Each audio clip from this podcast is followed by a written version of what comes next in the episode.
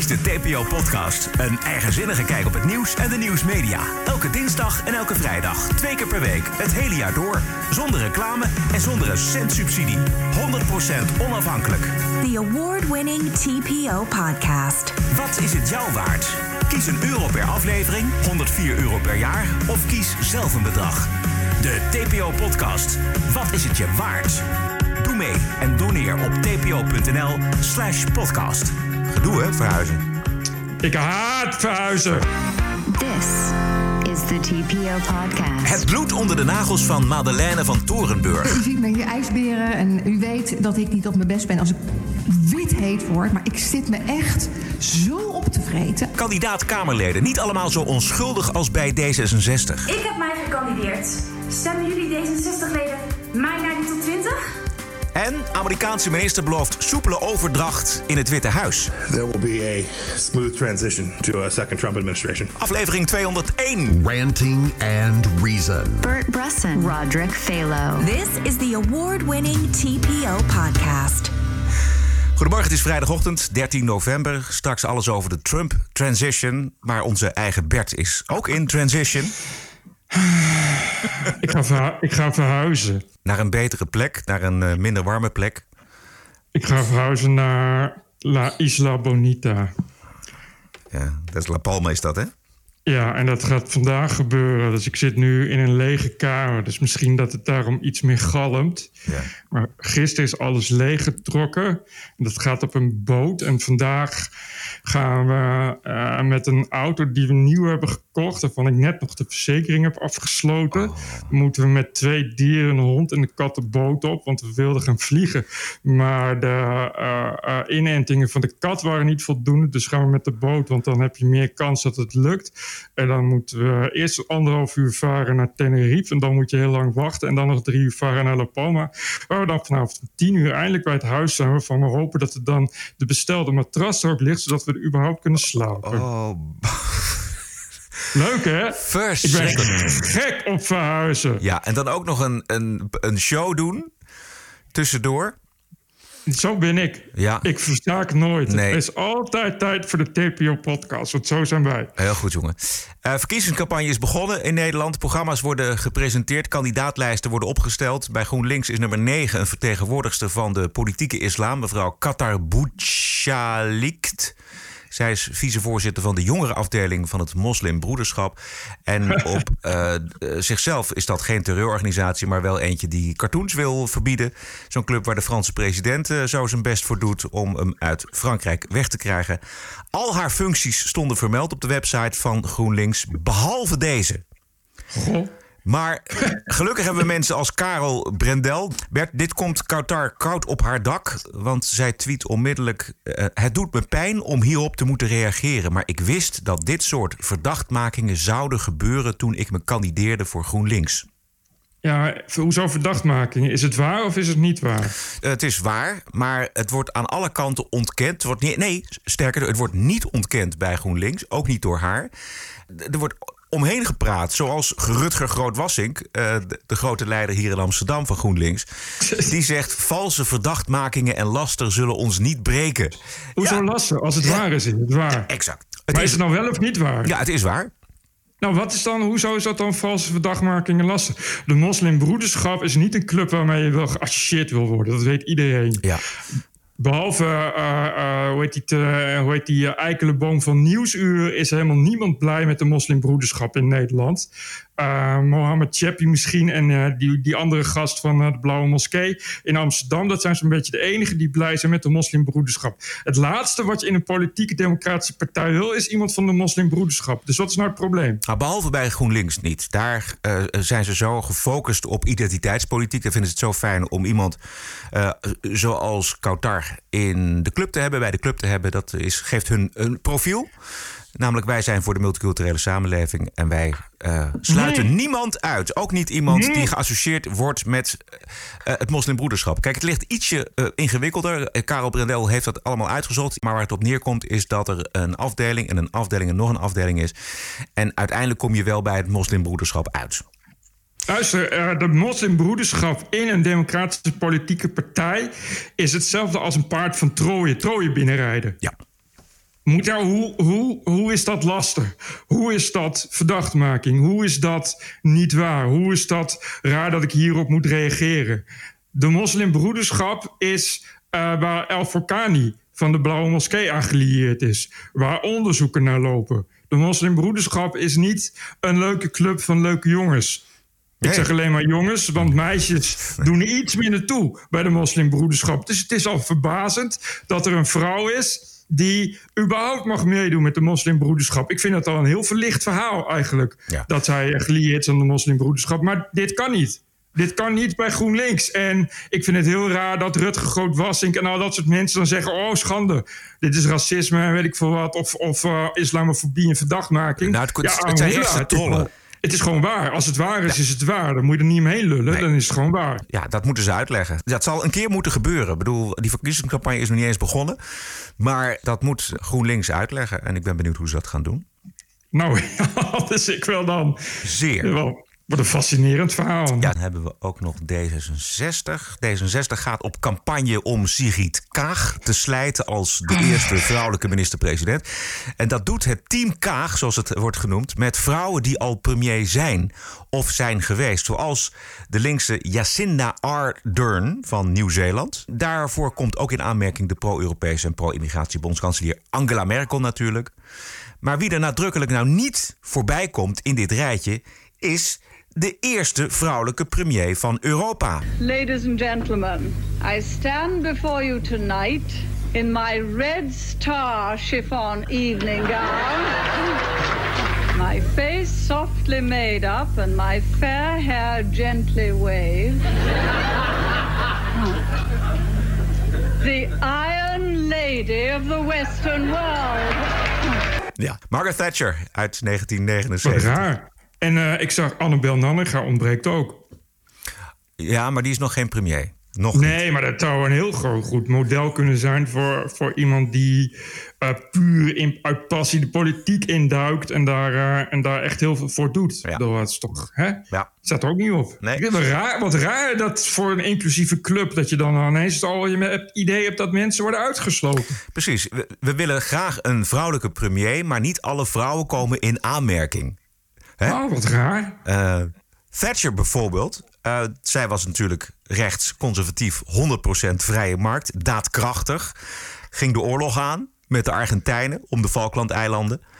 En ze was vooral tegen een federaal Europa. Europe will be stronger precisely because it has France as France, Spain as Spain, Britain as Britain, each with its own customs, traditions and identity.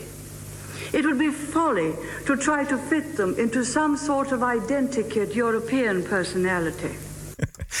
ja, dat staat natuurlijk helemaal lijnrecht tegenover Sigrid Kaag. Weet je wie ook ontbreekt? Ja. Marine Le Pen. Ja, precies. om, om eens een daadkrachtige vrouw te noemen. Nou, je zou toch bijna gaan denken dat uh, D66 een partij van de uitsluiting is. Helemaal niet ja. voor de verbinding. Nee, exact. En zo pakt het dus uit. Want als je dus je profileert als wij gaan de eerste vrouwelijke president of minister-president leveren. Hè, we vinden dat heel belangrijk. Ja, ja, dan moet je dus ruim om je heen kijken en zien dat D66 ernstig achterloopt wat dat betreft. En uh, sommige vrouwen wel, andere vrouwen niet. Maar die campagne, oh man, man, man. De sneaker als symbool. Niet lullen, maar poetsen. Ik denk, ik weet het niet, ik heb het nog niet uitgezocht, maar dat kan bijna niet anders of dit is een campagne van BKB. Dat zou goed kunnen. Er zijn wel een hoop vrouwen die, en mannen trouwens ook, die zich kandidaat uh, kunnen stellen. Het gaat hierbij om de eerste twintig.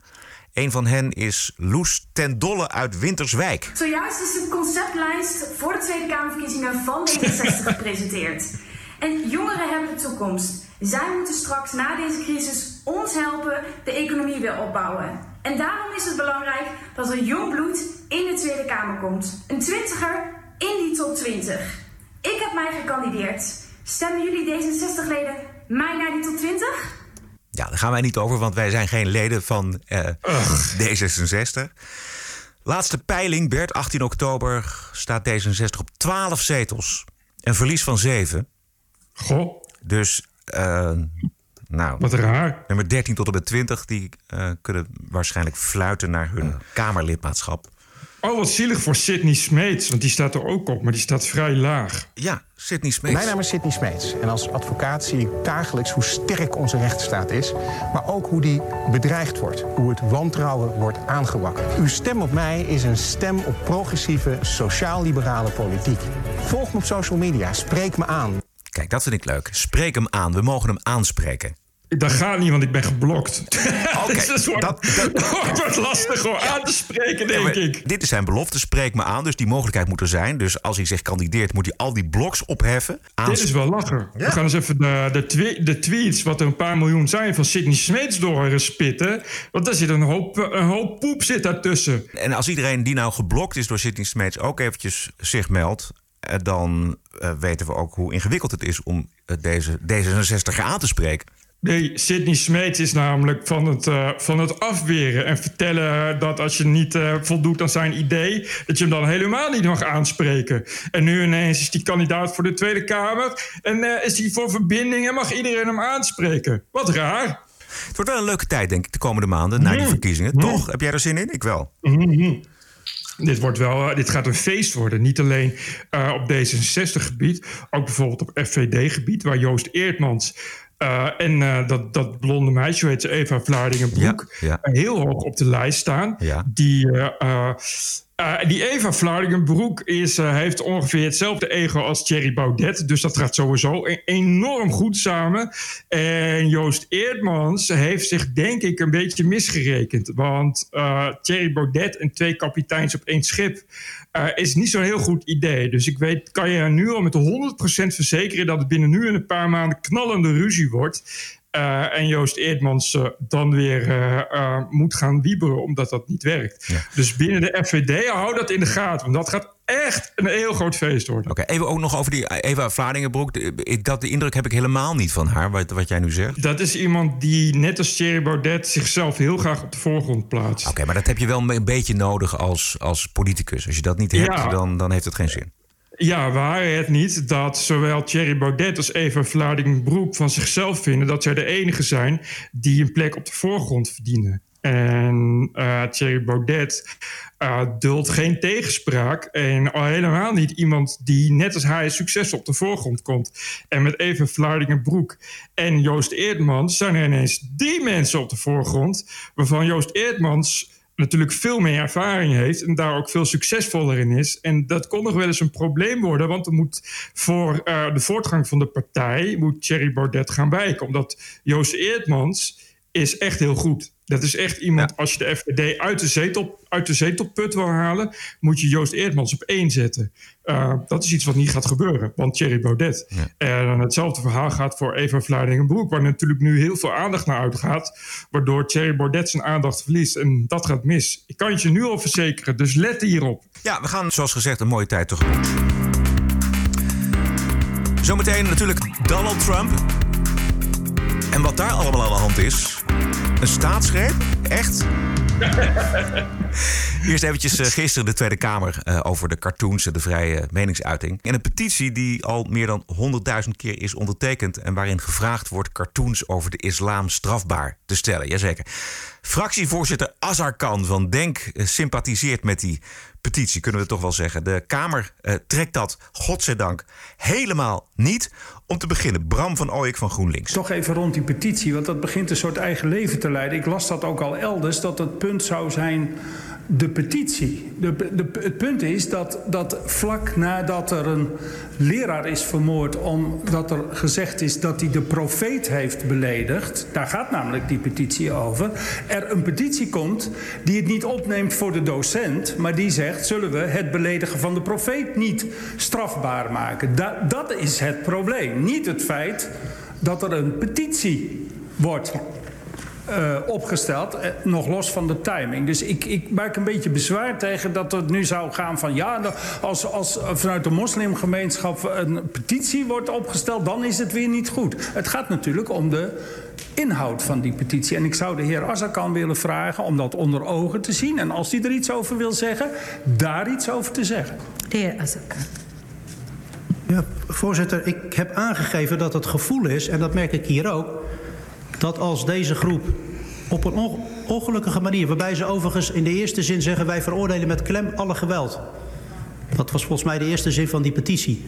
Ook dat hebben 120.000 mensen getekend. Mijn vraag aan hem is, laten we het over de inhoud hebben. Er wordt iets in die petitie gevraagd. De reden dat het in, eh, zeer breed als onsmakelijk werd ervaren... of als slechte timing, of welk woord je er ook voor gebruikt... heeft natuurlijk te maken met de combinatie... niet dat het een petitie is, maar dat er iets heel specifieks in die petitie wordt gevraagd. Twee dagen nadat er een leraar precies om die reden is uh, uh, onthoofd. Onthoofd. En dan vraag ik, oké, laten we het dan over de inhoud hebben. Uh, en reageer daar dan op, meneer Azarkan. De inhoud is dat het uh, beledigen van de profeet weer strafbaar moet worden, of strafbaar moet worden gesteld. Reageer daar dan op. Wat vindt u daarvan? Nou, ik, denk dat het, ik denk dat het goed is dat we in ontvangst nemen. Ja. Ik denk dat we daar met elkaar argumenten over moeten uitwisselen. En ik denk, dat het, ik denk dat het heel goed is dat je kijkt... Kijk, weet u, uh, de wereld is niet zwart-wit voor mij. Ik ben de laatste die iets wil verbieden. Ik vind verbod, dat is, hè, het is iets verbieden... Dat is het laatste station. Dat betekent dat alle andere middelen niet werken. Ja. Hoorde ik nou zojuist als ik kan zeggen... de wereld is niet zwart-wit voor mij? Ja. ja. Hoorde ik dat goed? Oh, oké. Okay. Nee, dan, dan, noteer ik dat even. Anyway, het moet wel heel pijnlijk zijn... als zelfs Bram Ooyek van GroenLinks tegen je is. Ja, maar dat is een journalist geweest. En Bram, die Aha. is totaal. Uh, ja, die houdt dat allemaal goed in de gaten. Die wil gewoon duidelijkheid. En dat is natuurlijk voorkomen terecht. Gisteren stond die hele Kamer op tilt. En je hoort Azarkan, dus die durft natuurlijk, natuurlijk niet te zeggen van we moeten inderdaad uh, die cartoons moeten we strafbaar stellen. Maar mm -hmm. laten we met elkaar in gesprek gaan en laten we dan, waar we het vorige week over hadden, een cultuur respecteren en zeggen, nou dat, dat soort ja, ja, cartoons ja, gaan we voortaan niet meer tekenen en publiceren. Dus het gaat altijd achter, via de achterdeur. Ja, precies. Beste bijdrage gisteren was van Madeleine van Torenburg van het CDA. De volle twee minuten. Mevrouw van Doorn. Voorzitter, u ziet me hier ijsberen en u weet dat ik niet op mijn best ben als ik wit heet word. Maar ik zit me echt zo op te vreten. De heer Azarkan, die hier de vermoorde onschuld speelt. Op het, en iets goed praat op het meest foute moment ter discussie is gesteld. Want hij weet, de SGP, de ChristenUnie, het CDA... die hadden niet zoveel met die, uh, dat afschaffen van die godslastering. Maar daar gaat het hier niet om. Hier gaat het erom dat een leraar in een klas een cartoon staat te bespreken, onthoofd wordt. En vervolgens gaan we dan discussie voeren over godslastering. Dit is een nieuwe mes in de rug van deze leraar. En dat zou Juist. de heer Azarkan zich moeten realiseren. Juist. Voorzitter, wederom, wat een vijandschap. Wat een boosheid, voorzitter. Waarom kunnen we niet op een nette manier met elkaar hier spreken? Voorzitter, ik constateer, ik constateer dat als het CDA, de ChristenUnie en de SGP hun zin hadden gehad in 2014, deze petitie overbodig was. Voorzitter, het zou de heer Azarkan iets moeten zeggen. Het zou iets moeten zeggen dat wij wisten wanneer we onze mond moesten houden over dit thema. Ja, ik, dat ik was nu. Mond als u dat het was zegt. nu, toen er een tijd, leraar was onthoofd. De tijd dat partijen toen, hier bepalen dat ik mijn mond hou. Ik was aan het woord. Bepaalt niet wanneer ik mijn mond hou. Nee, meneer mevrouw van Torenburg, zij was aan het woord en u krijgt de gelegenheid om daarop te reageren. Mevrouw van Torenburg. Dit was het slechtste moment, het allerslechtste moment om deze petitie te starten. Om dan ook nog eens een keer te doen als een vermoorde onschuld. Alsof het over moslims gaat. Alsof zij minder rechten hebben om een petitie in te dienen. Wel nee, daar ging het helemaal niet om. Als er een hele groep moslims hier komt over bestijdenis een petitie aanbieden... dan zal ik hem met warmte ontvangen. Maar dit ging erom dat er een leraar was onthoofd. En dan de discussie voeren over godslastering is ziek. Kijk. Ja, wat moet ik er nog iets aan toevoegen? Nee, nee, ik bedoel, Madeleine heeft helemaal voorkomen 100% gelijk. Het is echt die gleeuwerige, giftige manier waarop die Azarkan, zoals het helemaal hoort bij Denk, elke keer weer via achterdeurtjes en Trojaanse paarden probeert weer iets giftigs te planten. Het is echt onwaarschijnlijk zoals hij dat doet. Het zijn ook die ondertekenaars, Bert, van die petitie. Want het is inderdaad die onvoorstelbare Tuurlijk. brutaliteit om te beginnen over het wettelijk verbieden van cartoons. Terwijl er GVD mensen worden vermoord omdat ze cartoons laten zien. Die brutaliteit, die weerzinwekkende houding van die 120.000 ondertekenaars. Waar wedden ook een hoop GroenLinks niet-moslims tussen zitten. Ja, ja, Hè, ja je- maar eh, luister, het is typisch islam.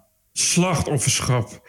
Altijd slachtofferschap, slachtofferschap. Telkens weer. Het is zoals die Christopher Hitchens in die fantastische speech zei: de religie van zelfhaat, zelfingenomenheid en zelfmedelijden. Not all monotheisms are exactly the same at the moment.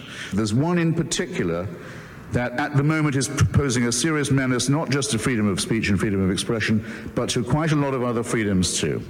And this is the religion that exhibits the horrible trio of self hatred, self righteousness, and self pity. I'm talking about militant Islam. Het is echt elke keer weer. Dit is bij elke aanslag is het eerste wat je hoort. Oei, als maar niet de islamofobie uh, erger wordt. Oei, wij zijn elke keer het slachtoffer. Oei, nu zal het wel weer over ons gaan. En zeg nou niet dat ik een islamofoob ben, want christenen kunnen dat net zo hoor. Vorige keer dat er in een of andere SGP-megakerk heel veel mensen bij elkaar zaten die verder scheid hadden aan corona. Dan komt er wat kritiek op en hoppakee, meteen. Oei, oei, oei, ze willen de vrijheid van religie afschaffen. Oei, oei, oei. Er worden weer christenen vervolgd. Religieuzen elke keer weer huilie, huilie, drammen, drammen. Ze komen allemaal achter ons aan. We hebben het altijd verkeerd gedaan en we krijgen nooit eens vrijheid. Het is elke keer hetzelfde. Ze nemen niet eens de moeite om een keer verder te denken. En, en precies wat Van Torenburg hier zegt, die uh, als ik kan uh, overigens terecht zegt van als het aan jullie had gelegen, dan hadden we al een wet op godslastering.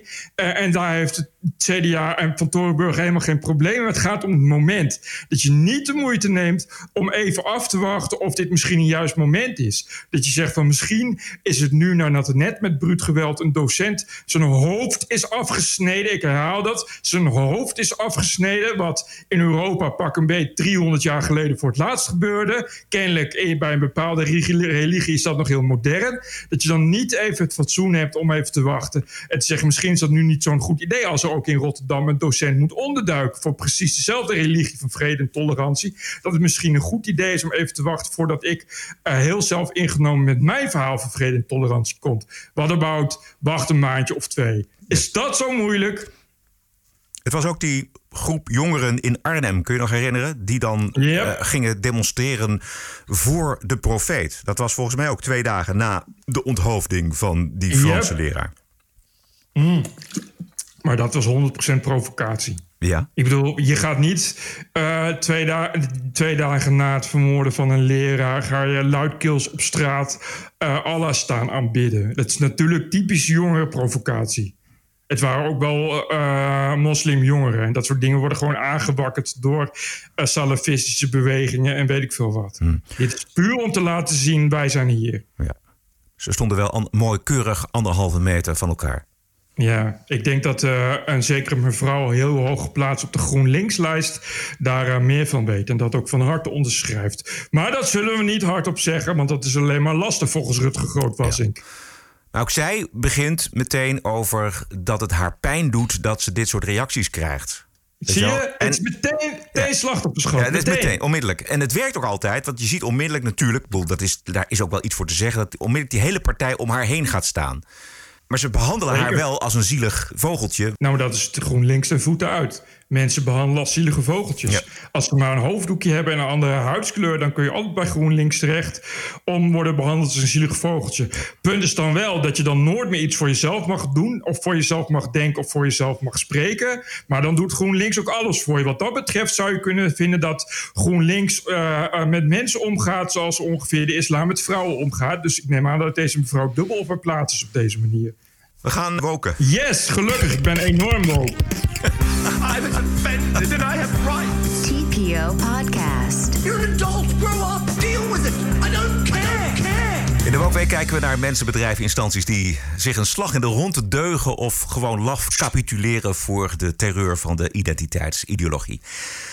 Boekverbranding of boekverbanning, het is eigenlijk hetzelfde. Uh, in de openbare bibliotheek in Nederland. In stilte worden alle boeken waarin Zwarte Piet voorkomt verwijderd. In alle stilte gebeurt dat.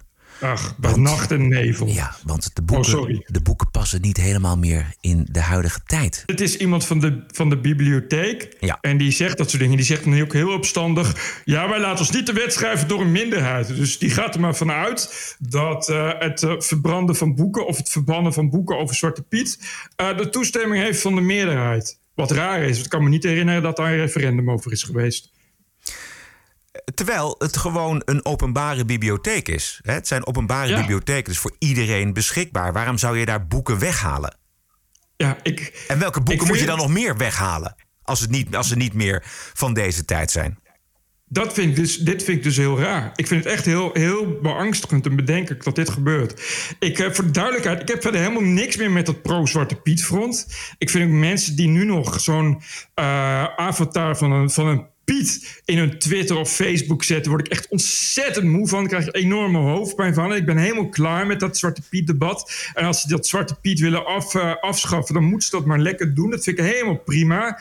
Eh, ik ben overigens ook de anti-Pieten helemaal zat. Maar dat je nu ineens boeken gaat weghalen met terugwerkende kracht, vind ik echt een enorm hoog 1984 gehalte hebben. Want over tien jaar weet dus niemand meer dat het Zwarte Pieten waren. Wat verder ook prima is, maar je kunt je afvragen waarom. En of misschien kennelijk een of andere geschiedenis moet worden uitgegumd. En dat vind ik een beetje vreemd. Maar dat is de ergernis. En dat is natuurlijk ook eh, waar die pro-Zwarte Pieten beweging wel een punt heeft. Dat dit is natuurlijk een onderdeel, wat er nu gebeurt in de Nederlandse Openbare Bibliotheek, is een onderdeel van het uitgummen van dat Sinterklaasfeest. Er zit een enorme drang tot vernietiging achter.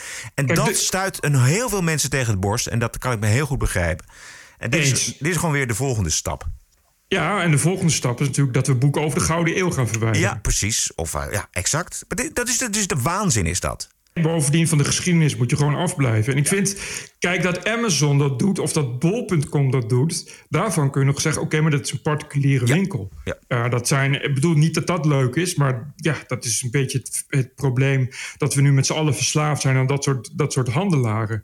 Eh, dat is wat anders dan, een- dan dat een openbare bibliotheek dat doet. Van de openbare bibliotheek mag je verwachten dat ze heel erg zorgvuldig met de, de vrijheid van drukpers en de vrijheid van meningsuiting. En dus ook het nationale erfgoed, zoals dat staat gedrukt, omgaan. En dat zo'n bibliotheek, en ik weet niet of dit alle bibliotheken waren, of dit, dit een, dat dan die bibliotheek dan zegt van ja, we gaan ons niet laten betalen, bepalen door een minderheid, we bepalen dat zelf, vind ik een beetje raar. Volgens mij is dat een bibliotheek van iedereen en niet alleen van de bibliotheek die daar werkt. Precies. Van de man die daar werkt. Ja, ze doen het gewoon uit zichzelf. Het is, het is de inquisitie vanuit zichzelf.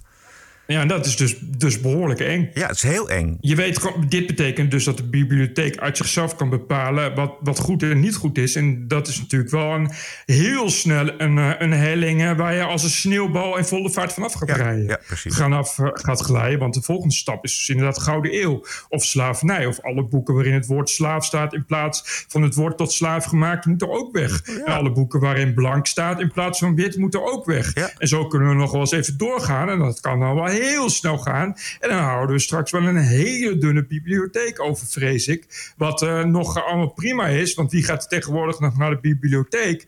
Alleen het probleem is natuurlijk dat je je dan kunt afvragen hoe dat zit met je nationale erfgoed. Want waar kunnen we over tien jaar dat dan nog terugvinden? Nergens. Nee, maar ik, ik vind het zo bloedirritant. Ik zie dat weer helemaal voor me. Dat is een vergadering van openbare bibliotheek. En daar wordt dan iemand zegt dan: kun- kan het nog wel eigenlijk boeken met Zwarte Piet? En dan is er een, die deken van politieke correctheid over die vergadertafel. En dan zegt iemand: nee, laten we, laten we ze weghalen. En laten we dat niet aan de grote klok hangen. Want dit was een, namelijk een verhaal van het Algemeen Dagblad. Laten we dat niet aan de grote klok hangen. Lekker stiekem. Eh, Lekker stiekem, weg. Dat haalt namelijk bij mij het bloed onder mijn nagels vandaan. Want de volgende stap is inderdaad, nou we hebben het al gezegd, maar daar, kun je ook schrijvers op een gegeven moment zeggen van nou, wat moeten we eigenlijk met W.F. Hermans? Wat was het eigenlijk voor Juist. een reactionaire Juist. schrijver of een reven? En die moet, moeten we die niet weghalen. Nee, dit is nu, nu ook al hè, weer een debat over Mulis op de een of andere manier. Nu krijg je ineens allemaal vrouwen die zeggen... ja, was een dat was la- laatste week de hele tijd in het nieuws. van Mensen, ja, maar het- over de grote drie, hè, dat is dus eh, Reven, Hermans en Mulis. En is zo, ja, eh, moeten we dat nog wel hebben? Hoezo de grote drie? En wat, eh, wat moeten we... Mulis is eigenlijk een kutschrijver. En eh, nou, het ging al- al- alleen maar over vrouwen, over seksisme. Moeten we die nog wel de grote één noemen? Dan weet je, ja, dat gaat straks ook uit de bibliotheek. Want ja, kan niet, hè, seksisme. Maar je weet ook wel wat voor mensen dat zijn hè, bij de bibliotheek. Dat zijn blanke babyboomers. Iedereen weet dat. Iedereen weet dat. Ja. Voor mij mogen ze failliet. Ja, dat kan niet, want het is gesubsidieerd. Goed, ander dingetje. Eh, in een park in Londen staat een prachtig beeld van een Engelse schrijfster en feministe, Mary Wollstonecraft. Ze, ze leefde in de 18e eeuw en van haar hand is de, het eerste feministische pamflet uit de Britse geschiedenis, namelijk A Vindication of the Rights of Women. Het beeld is een rotspartij waaruit een hele mooie kleine vrouw tevoorschijn komt. En het beeld is ook gemaakt door een vrouw. Maar je begrijpt het al, het beeld deugt niet. It's a tiny figurine causing a lot of controversy. A statue unveiled in London honoring the feminist pioneer Mary Wollstonecraft has become the target of critics and activists, and protesters have attempted to cover its naked form with t shirts and black tape. The issue is its design. Cast in silvered bronze, the sculpture shows a small naked female figure with a conventionally beautiful physique rising out of a much, much larger and abstract base. It was made by British artist Maggie Hambling, but it's angered some feminists and other critics who say the nudity draws attention to the female body instead of honouring the 18th century intellectual's achievements and influence. A key Oh, theme in the backlash was that men commemorated with monuments are usually fully clothed. Dus het argument is ook de statue van mannen. Ja, mannen zijn allemaal gekleed. Maar eh, deze vrouw is dan naakt. Ja, dat is, mag niet. Dat mag niet. Nou, dat mag wel. Maar dit is natuurlijk een, een te mooie vrouw. Met een te perfect exact. lichaam. Ja, dat mag ja, niet. ja, het is- het is dat prachtig mag niet, want Ja. eh, mooie en perfect en succesvolle mensen... dat is niet de bedoeling. Nee. Dat leidt alleen maar af naar, van haar Ja. intellectuele capaciteiten en wat ze allemaal gedaan Ja. heeft. Wat mij nou. Het, het aller, wat ik nou zo bloedirritant vind, is dat het weer een klein clubje is. Weet je wel, het zijn vijf, zes, misschien tien vrouwen die zeggen: Dit vinden we niks. Die gaan een actie eh, organiseren. En dan v- krijgen ze het volgens mij nog voor elkaar om dat beeld aan te passen ook. Natuurlijk. Tuurlijk, want tien mensen die op Twitter drammen... is natuurlijk genoeg om te bukken. Precies, dat is de terreur. Dit kun je toch niet serieus nemen? Echt, ga koken! Dit is de TPO-podcast. Een eigenzinnige kijk op het nieuws en de nieuwsmedia. Elke dinsdag en elke vrijdag. Twee keer per week. Het hele jaar door. Zonder reclame en zonder een cent subsidie. 100% onafhankelijk. The award-winning TPO podcast. Wat is het jou waard? Kies een euro per aflevering, 104 euro per jaar of kies zelf een bedrag. De TPO-podcast. Wat is het je waard? Doe mee en doneer op tpo.nl slash podcast. Ja, doen. We gaan naar de staatsgreep in Amerika. This is us. This is our country. This is CNN breaking news. I believe that the president is literally an existential threat. Stop the hammering out there. Who's got a hammer? Make America great again. New York Times and CNN have also smeared veterans like myself. This video was taken during a heated exchange with an unidentified man who called Cuomo Fredo. Stop the hammering. This is the TPO podcast. News 630 WMAL, Washington. De paniek slaat het journaal om het hart, want Trump wil niet wijken en hij wil eh, hertellen en hij wil een rechtszaak. En die Trump die gaat niet weg. Eh, hij is een staatsgreep van plan. Dat eh, hoor je in Amerika. Maar dat hoor- staatsgreep? Ja, ja, ook hier in Nederland. Voorpagina gisteren, ik zal het even beschrijven, staat heel groot. We zien het, we zien het Witte Huis en er staat heel groot boven. Losse vlodder of sluipende koe. Staatsgreep. En dan zien we... Ja, koep. Oh, koep. Oh, Oké, nee. En dan zien we op het eh, dak van het Witte Huis scherpschutters verlaten bij een wisseling van de wacht het dak van het Witte Huis in Washington. Dus dat geeft een idee. Slu- we hebben het over sluipende, sluipende koep en we hebben het over sluipschutters. En dan staat er aanvankelijk leek Donald Trump vooral een slechte verliezer. Maar inmiddels begint zijn poging om de uitslag van de presidentsverkiezingen te ondermijnen steeds concretere en zorgwekkender vormen aan te nemen. Ten meer omdat veel partijgenoten er actief aan meewerken. Hoe ver kan hij hiermee komen? Ja, ik, ik heb het allemaal gevolgd. Eh, ik zag ook eh, eh, Gustav Bessems van de Volkskrant. Een enorme hits, paniek-tweets over dat er een staatsgreep op handen zou zijn. Wat echt... Het is zo lachwekkend allemaal. Ja. Ik kan gewoon niet... Ik, ik snap gewoon niet waar, waar, waar, waar, waar dit soort paniek shit vandaan komt. Er is al helemaal niets ook wat daarop wijst. Eh, Trump is bezig met, met justitieel onderzoek. Wat, wat verder doodnormaal is. Uh, hij heeft in zijn hele carrière, in de vier jaar, hebben we ook alleen maar gehoord dat er madman op de rode knop zat. Die is nog nooit ingedrukt, die rode knop, de afgelopen vier jaar. Het licht is ook niet uitgegaan. Uh, als Trump had de afgelopen vier jaar van alles kunnen doen met het uh, Pentagon en het militaire apparaat wat hij tot zijn beschikking had. Het enige wat hij heeft gedaan is vredesonderhandelingen voeren met landen waarvan we altijd hebben gedacht dat als Amerika iets zou gaan aanvallen, als er gek aan de macht was, dan werden het die landen. En nu ineens is het, oh, hij gaat het leger inzetten. Terwijl het Pentagon heeft echt, geloof ik, al 16 keer gezegd: wij gaan ons niet bemoeien met de wisseling van de president. En het werkt ook niet zo. Het is niet je kan niet als president zeggen, uh, het Pentagon bellen en zeggen: jongens, we gaan een staatsgreep plegen. Dat, Er is een, een, chief of staff en dus, daar zitten bij die joint chiefs of staff zitten echt hele ervaren, hele slimme generaals en hele slimme mensen die daar in eerste instantie over beslissen.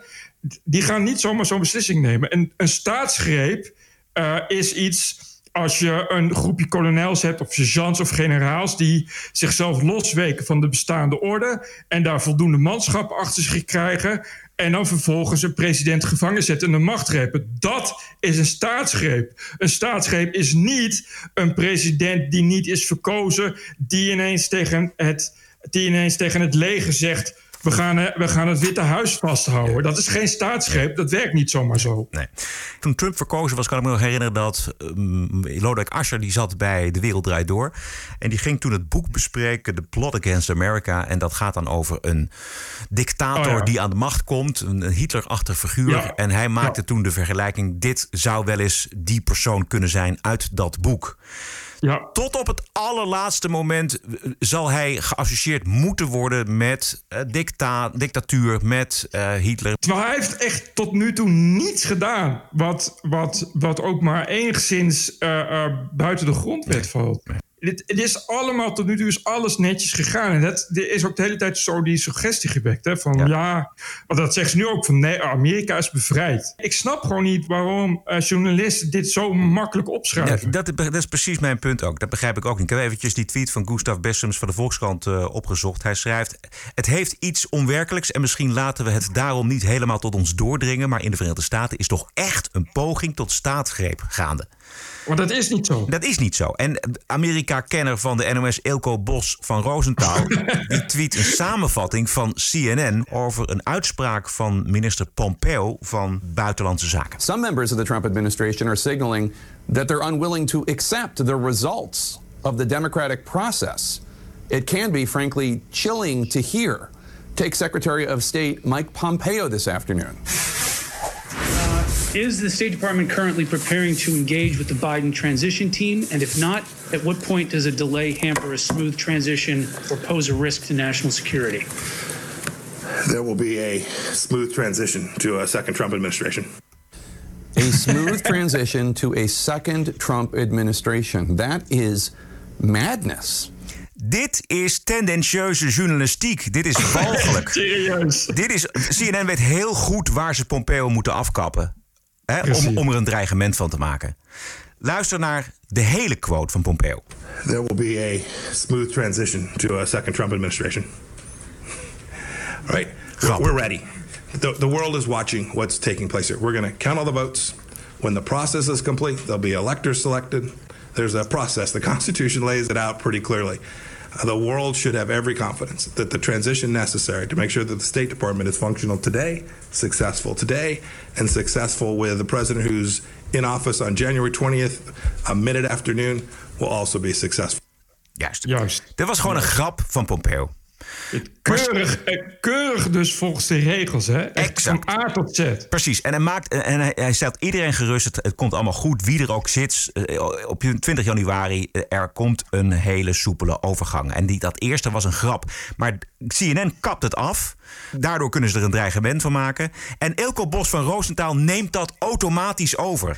En dat is tendentieuze journalistiek van de bovenste plank. Onvoorstelbaar dat Amerikaanse en Nederlandse journalisten zo omgaan met de feiten en met de werkelijkheid. Ik weet, en dat heb ik al, al meerdere malen gelezen, dat ze bij het Pentagon echt enorm moeten zuchten over dit soort journalistiek de hele tijd. Want ze krijgen echt al al een jaar lang krijgen ze de vraag: Oh, wat nou als Trump niet weg wil? Weet je, terwijl de echt, als Trump niet weg wil, dan komt de Secret Service die hem boeit en oppakt. en hem vervolgens buiten de poort van het Witte Huis zet. Jongen, er hebben al lange eh, artikelen gestaan in de Economist notabene met precies deze vraag. Wat als Trump niet weg wil? Die suggestie hè, dat Trump een soort absolute macht heeft waar het leger dan op gaat reageren. Het is heel simpel. 20 januari is er ofwel bekend dat er gefraudeerd is, of weet ik veel wat, dat, of dat het over moet. Ofwel eh, het, tot en met het Hoge Rechtshof heeft gezorgd: nee, Biden is nieuwe president. Het slaat echt helemaal nergens op. En b- bovendien wat het Trump-team nu doet, is volkomen volgens de regels. Ja, exact. Ook bij Nieuwsuur ging het erover, maar dat is een oase van balans en feitelijkheid als je dat vergelijkt met de CNN's van deze wereld.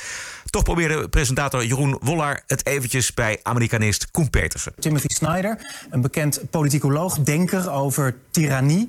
Eh, hij twitterde nou, twintig tweets achter elkaar. Eh, eentje heb ik eruit gekozen. Wat hij hier zegt eigenlijk is wat Donald Trump aan het doen is... dat noemen we een staatsgreep. Bent u het met hem eens? Nee, dat ben ik niet met hem eens. Als je kijkt naar wat er gebeurt, dan is dat eigenlijk, even los van alle tromgeroffel en eh, de retoriek, keurig volgens de regels. Op het moment dat in een staat het verschil te klein is, kan de wet in zo'n staat erin voorzien dat er een hertelling plaats heeft. Op het moment dat advocaten van de ene of de andere campagne vinden dat de regels niet goed zijn toegepast, kan je daar een proces over eh, eh, aanspannen. Dat is allemaal hoe het normaal gebeurt. Goh, wat een helder en makkelijk verhaal. Ja, het is zo simpel. Zo simpel is het, ja. ja. Goed.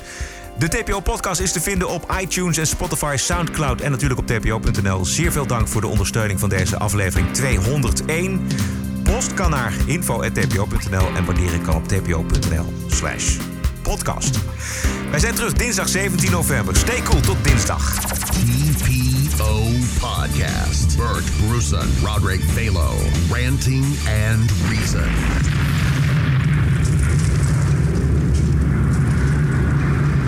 Ziek. Podcasting is The TPO podcast in the Netherlands. Bert and Roderick. What a show. I'm telling you.